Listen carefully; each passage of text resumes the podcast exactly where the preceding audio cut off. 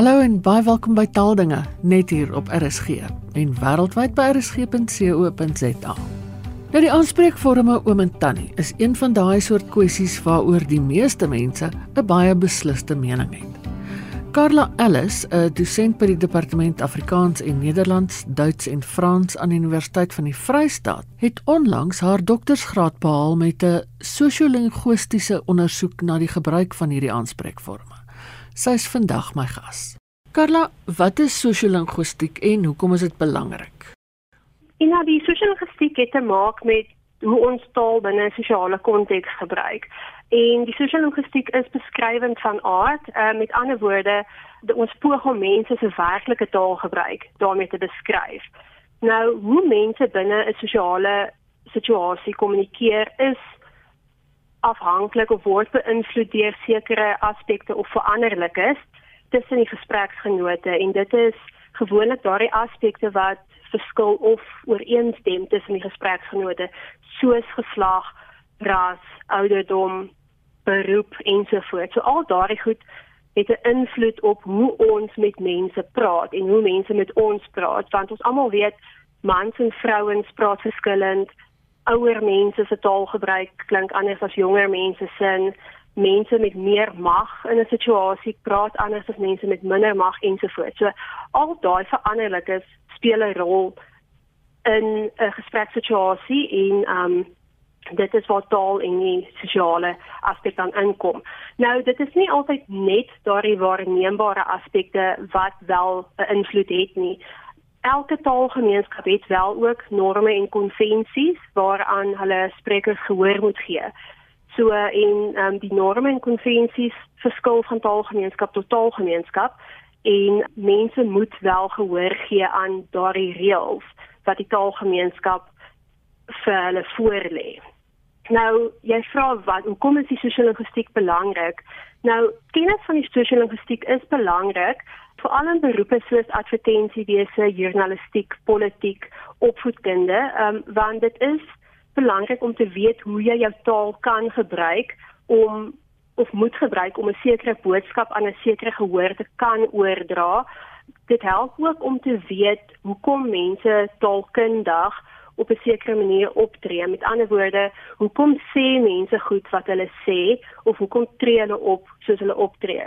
Want wat in soos ek gesê het, wat in een taalgemeenskap aanvaarbaar is, is dalk nie in 'n ander taalgemeenskap aanvaarbaar nie. En as mens dit weet, dan gaan mens nie noodwendig aanstoot neem as iemand iets sê wat nie wat nie in jou taalgemeenskap aanvaarbaar is nie. In hierdie vakgebied speel verskynsels soos taalvariasie en meertaligheid en taalverandering 'n rol. Verduidelik 'n bietjie meer.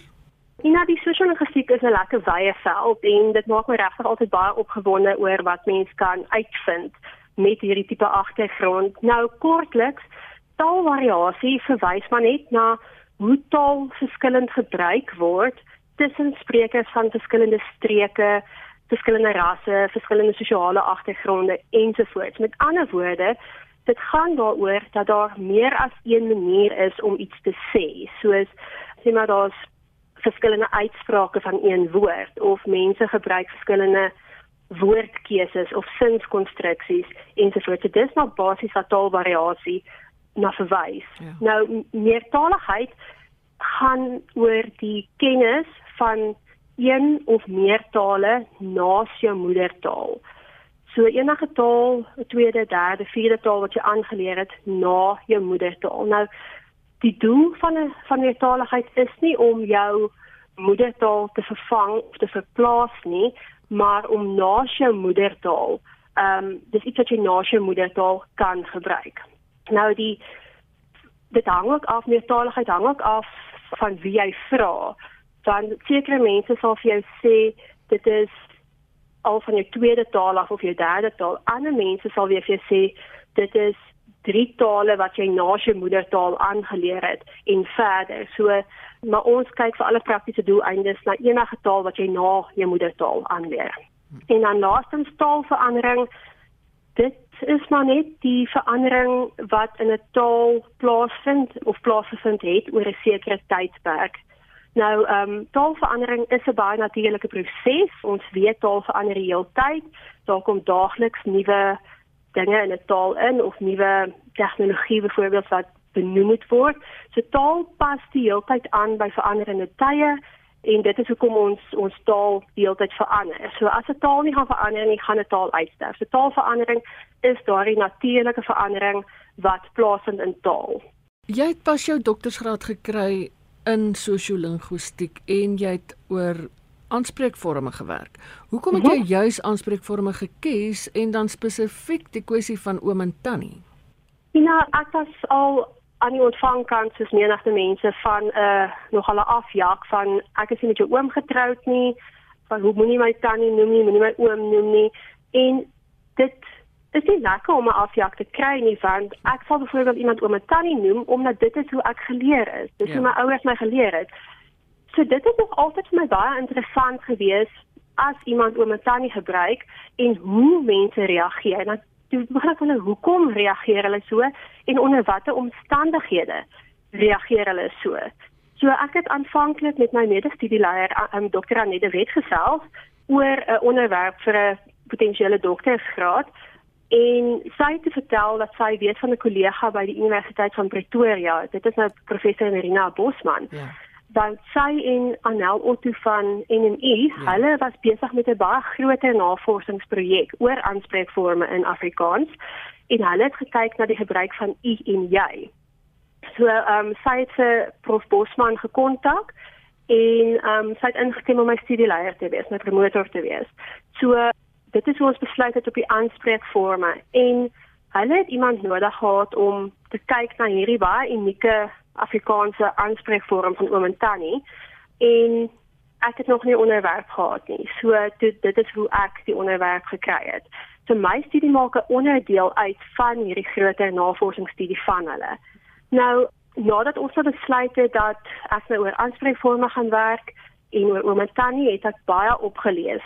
Nou daar is wel navorsing oor aanspreekvorme in Afrikaans al gedoen, maar dis dis baie oud. Die laaste studie wat gedoen is was in 1989 gewees.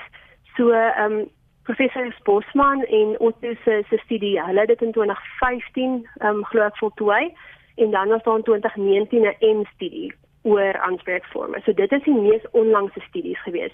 Maar voor dit was dit 1989. So die navorsing oor aanspreekvorme in Afrikaans was taamlik gedateerd geweest. So daar was 'n leemte gewees. So daar was geen omvattende studie gewees oor tannie nie. En as mens ook kyk na die media, na die koerante, na die rubrieke, dan kan mens sien oom en tannie is 'n aktuelle tema. So ons het besluit om hierdie leemte te probeer vul en om 'n 21ste eeuse bydrae tot hierdie studieveld te maak. Ja, van die wêreld het aansienlik verander sedert 1989. Baie, baie. Nou, hoe het jy te werk gegaan? Sjoe, ehm um, nadat ons besluit het op die op die onderwerp het ek begin lees. Ek het gekyk na wat plaaslik gedoen is oor aanspreekvorme en ek het ook gekyk wat internasionaal gedoen word. So ek het gekyk na onderwerpe waaroor werk mense as dit kom by aanspreekvorme en dan het ek ook veral gekyk na die metodologie internasionaal. So wat gebruik mense om inligting te kry of data te kry vir hierdie studies? Het hulle vraelyste gebruik, onderhoude, hoe gaan hierdie mense te werk? So ek het wyd gelees vir vir hierdie studie. En ons het uiteindelik besluit om gemengde metodes van data-insameling te gebruik want dit gee vir jou op die ou einde 'n beter geheelbeeld van al die data en so aan. So gemengde metodes verwys na kwantitatiewe data. Dit is numeriese data, dit is nou die vraelyste wat ek gebruik het. En dan het ek ook het ek ook kwalitatiewe data gebruik. Dit is waar jy die diepte van 'n probleem beter kan interpreteer en ons het data gekry deur onderhoude, fokusgroepgesprekke, sosiale media en so 'n um, sistematiese waarneming. So dit was 'n regtig omvattende metodologie wat ek gebruik het en ek en ek moet eerlik wees ek het op 'n stadium gedink hoekom het ek was ek so ambisieus maar ek is op die ou eind bly dat ek al hierdie metodes ingesluit het want dit het regtig vir my ek kon dit op die ou einde beter trianguleer en 'n baie beter oorsig gekry het van wat aangaan met betrekking tot Afrikaanse aanspreek vir spesifiek oom en tannie. Hmm. toe nadat ek gelees het en besluit het op al hierdie data-insamelingsmetodes, toe het ek nou my data ingesamel en ek het werklik 'n nuwe liefde vir tee drink on, ontdek tydens die onderhoude. Want regtig, ek was eendag hier so by by ouer huis of 'n aftree oor in Bloemfontein en ehm um, dit moes my een dag gevat het en ek moes die volgende dag teruggekom het want ek het so lank by almal gekuier van almal wil net my tee maak en gesels. So dit was my regtig een van die lekker aspekte van data insamel, maar nadat al my data ingelees en getranskribeer is in onderhoude, was my grootste uitdaging regtig geweest hoe om hierdie massas data op 'n sistematiese maar ook 'n bondige wyse weer te gee.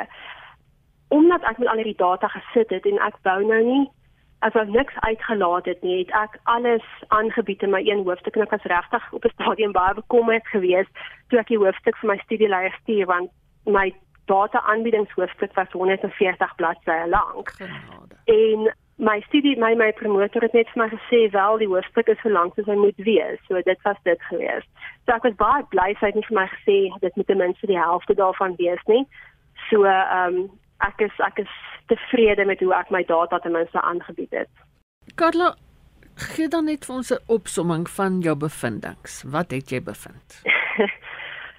Wel, soos ek nou net gesê het dat ek 140 bladsye gehad van van data aanbieding, maar ehm um, ek vir om dit is so moeilik om dit kortliks saam te stel, maar wat ek kortliks bevind het, is dat die gebruik van oom en tannie werklik nog springlewendig is in die Afrikaanse taalgemeenskap. Okay, dis in Bloemfontein en in George en dat daar tans 'n hoë gebruiksfrekwensie onder al die ouderdomsgroepe is, sowel as beide manlike en vroulike deelnemers. Dan het ek ook gevind dat ouderdom die belangrikste veranderlike is wat bepaal wanneer oom of tannie gebruik word en toe ek vir mense gevra het hoekom gebruik jy oom en tannie? So wat is die rede hoekom jy dit gebruik?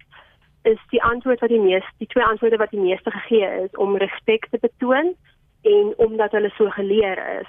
Ja. So dit was baie interessant geweest. Nou daar's ook 'n um, oorwegend positiewe houding teenoor die gebruik van oom en tannie.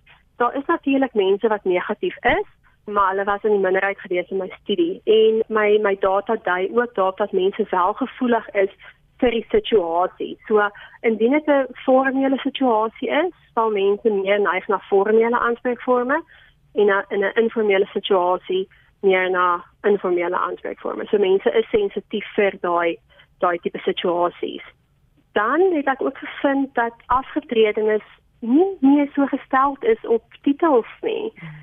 Wat baie interessant was.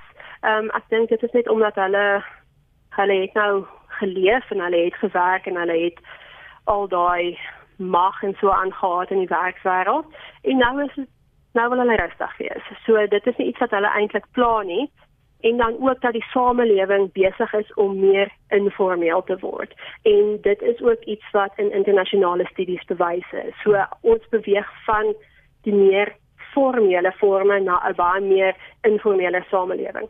Nou die laaste bevinding wat ek eintlik bang is om op die lig te erken is dat dit meer die dames is wat meer gevoelig blyk te wees om tannie genoem te word as wat mans is om oom genoem te word. So dit is een van my interessante bevindinge, maar ek weet nou nie of dit veilig was om dit nou op die lig te erken nie. Wel dalk ontlok dit 'n bietjie reaksie ons kyk wat gebeur. Ja, en die data jok nie vir mense nie. So ja. ja. Uh, nou dink jy die redelik Afrikaanse en plattelandse aard van sowel Bloemfontein as George waar jy jou navorsing gedoen het, het 'n invloed op die bevindinge? In honest, yes, since um, ek het Bloemfontein en George gekies, ehm um, wie 'n tydens finansiële oorwegings. Ek kom oorspronklik van George af. Ek het daar grootgeword en ek werk al sedert 2014 in Bloemfontein. So dis twee streke waarmee ek vertroud is. Ja. En hierdie twee streke is ook redelik dieselfde. Ehm um, behalwe dat George 'n baie groter brein Afrikaans sprekende gemeenskap as Bloemfontein het. Nou ek sal nie sê George en Bloemfontein is heeltemal plattelands nie. Ehm um, ja, ja. want mense van regoor Suid-Afrika stroom na George toe om te gaan aftree en Bloemfontein is 'n universiteitsstad. So hier is ook mense van oral oor wat hier so studeer. So maar om jou jou vraag te beantwoord, ek dink wel die aard of die konteks van Bloemfontein en George het uh, invloed op die bevindinge gehad. So die konteks bepaal het het, het die terugvoer bepaal wat ek gekry het. Nou ek dink as ek hierdie studie gaan herhaal of weer gaan doen of, of 'n opvolgstudie gaan doen in 'n groter stad, Kaapstad, Pretoria of so, dan gaan ek ander tipe data kry. Alhoewel ek nie dink dit gaan radikaal verskil van wat ek in Bloemfontein en George gekry het nie.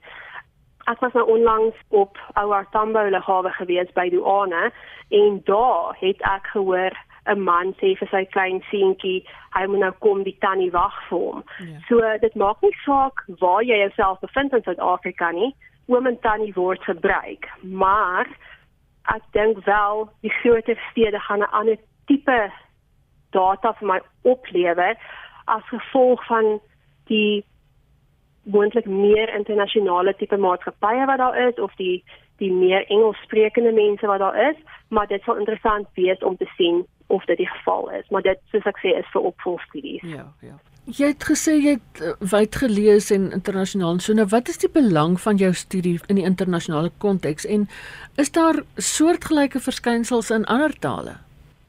Momentan soos ons dit gebruik teenoor bekendes, teenoor vreemdelinge, is iets wat net in Afrikaans voorkom.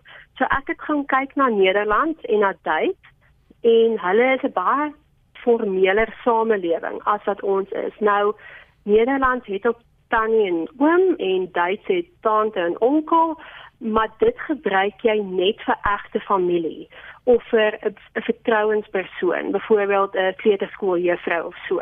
Jy gebruik dit nie vir ehm um, vreemdelinge nie. Dan gebruik jy 'n formele titel. So dit was vir my baie interessant geweest dat dat ons die enigste mense is wat sommer vir enigiemand oom en tannie sê en wat ook interessant is, ons kan ook net sê goeiemôre oom of goeiemôre tannie. Ja. Ehm um, waar in Nederlands of Duits kan jy dit nie sê sonder die voornaam nie. So dit was net iets wat vir my baie interessant was. Maar daar word tans internasionaal regtig produktief navorsing gedoen oor aanspreekforme en dit is regtig dis 'n onderwerp wat wêreldwyd tans baie aktueel is. So ehm um, dit was lekker geweest om navorsing te doen wat ek weet ook nie net gaan eh, 'n uh, big project vir my gaan wees nie, maar iets wat werklik internasionaal gereken ook kan word. Ja, ja. Nou, ons het vroeër kortliks het jy gepraat oor taalverandering. Taal is lewend en verander altyd. Wat is na jou mening die grootste verandering in die volgende 20 jaar of 20 tot 30 jaar? Wat dink jy sal dit wees? Ja, daar was reeds in 1976 voorspel dat die gebruik van oom en tannie gaan uitsterf. En nou is dit meer as 40 jaar later en die gebruiksfrekwensie daarvan is nog steeds baie hoog. So ek wil graag wil voorspel dat daar in hierdie opsig nie groot veranderinge sal wees in terme van die gebruiksfrekwensie nie. Met ander woorde dat dit nie sal afneem nie. Maar soos ons ek ook vroeër gesê het, taal verander die hele tyd. So as ek nou moet voorspel, sal ek sê 'n um, verandering wat wel teweeggebring kan word in die gebruik van tannie is dalk moontlik die as gevolg van die verspreiding van Afrikaanssprekendes oor die wêreld heen. Ja. So dit sal eintlik baie interessant wees om te sien of die gebruik van tannie in 'n land waar Afrikaans nou nie die dominante taal is nie, sal oorleef en tot watter mate die nuwe lande invloed op hierdie aanspreekvorme sal uit, uitoefen. Ja. So ehm um, dit is ook eintlik 'n uh, 'n opvolgstudie wat mens kan doen, veral in die ehm um, expat gemeenskappe, die Afrikaanse gemeenskappe in Australië, Nieu-Seeland, Engeland, Kanada. So ek dink as daar 'n uh, 'n verandering gaan kom in die gebruik van omentani, gaan dit heel moontlik eers in hierdie gemeenskappe dalk begin. Ja, ja. Nou, ons het so 'n bietjie daarna verwys jou studie lok uiteenlopende reaksies uit. Wat sê jy daarvan? Ehm um, ek het daarom al geleer dat mense dikker gevel in die akademie moet hê. Ehm um, maar die uiteenlopende reaksies is vir my wel baie interessant en die feit dat die mense nou ook aan die dit dit die, die mense nou ook aan die praat het bewys net weer vir my wat 'n aktuele onderwerp dit is. Nou ehm um, wat die uiteenlopende reaksies betref, ehm um, aan die een kant is daar mense wat kapsie maak want hulle vra hoekom moet mense sulke studies doen of dit is 'n sinnelose studie.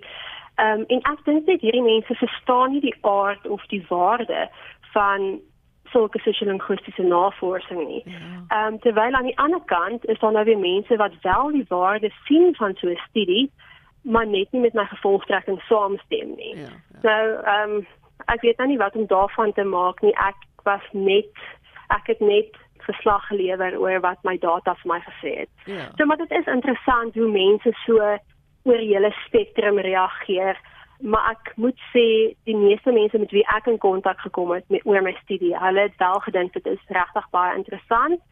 En nou, baie mense het gevra na nou, maar hoekom kyk jy hierna? En toe ek eers vir hulle begin verduidelik het waarna kyk ek, hoekom kyk ek daarna? Toe begin hulle net sien, o, genigtig, dit is eintlik regtig interessant en iets wat ons moet weet. Ja. So ehm um, dis vir my baie interessant. Carla, ten slotte, die mense wat dan nou so kla oor oom en tannie, wat verkies hulle? Uh, of is daar nie 'n tendens nie? Ja, daar is mense wat eerder verkies om op 'n titel aangespreek te word. Alhoewel dit vir my lyk dat die neiging blyk te wees dat as mense nie as oom of tannie aangespreek wil word nie, dat hulle eerder verkies om op hulle voorname aangespreek te word. So dit blyk maar die tendens te wees. Maar net as 'n as 'n voetnoot, 'n nota wat ek ook hier vir myself gemaak het, uit my data en uit my studie uit blyk dit dat die jonger mense die aanspreekvorme oom en tannie gebruik as 'n vorm van respek, soos ek reeds vir jou genoem het. Ja. Ehm um, dit is mense moet dus besef as iemand jou oom of tannie noem, is dit nie 'n persoonlike aanval nie en dis beslis nie 'n doodsvonnis nie. En daar is regtig mooi maniere hoe iemand vir jou kan vra hoe hoe jy hulle moet aanspreek ja. en en en plaas daarvan om net 'n afjag te gee. So ja, so jonger mense tree op met respek en ek voel mense moet dit vat van wie af dit kom. Dit was Dr Carla Ellis van die Departement Afrikaans en Nederlands, Duits en Frans aan die Universiteit van die Vrye State. Dis dan ook al vir vandag. Geniet die res van die dag in RSG se geselskap. Bly veilig, bly gesond en van my Ina Strydom groete tot 'n volgende keer.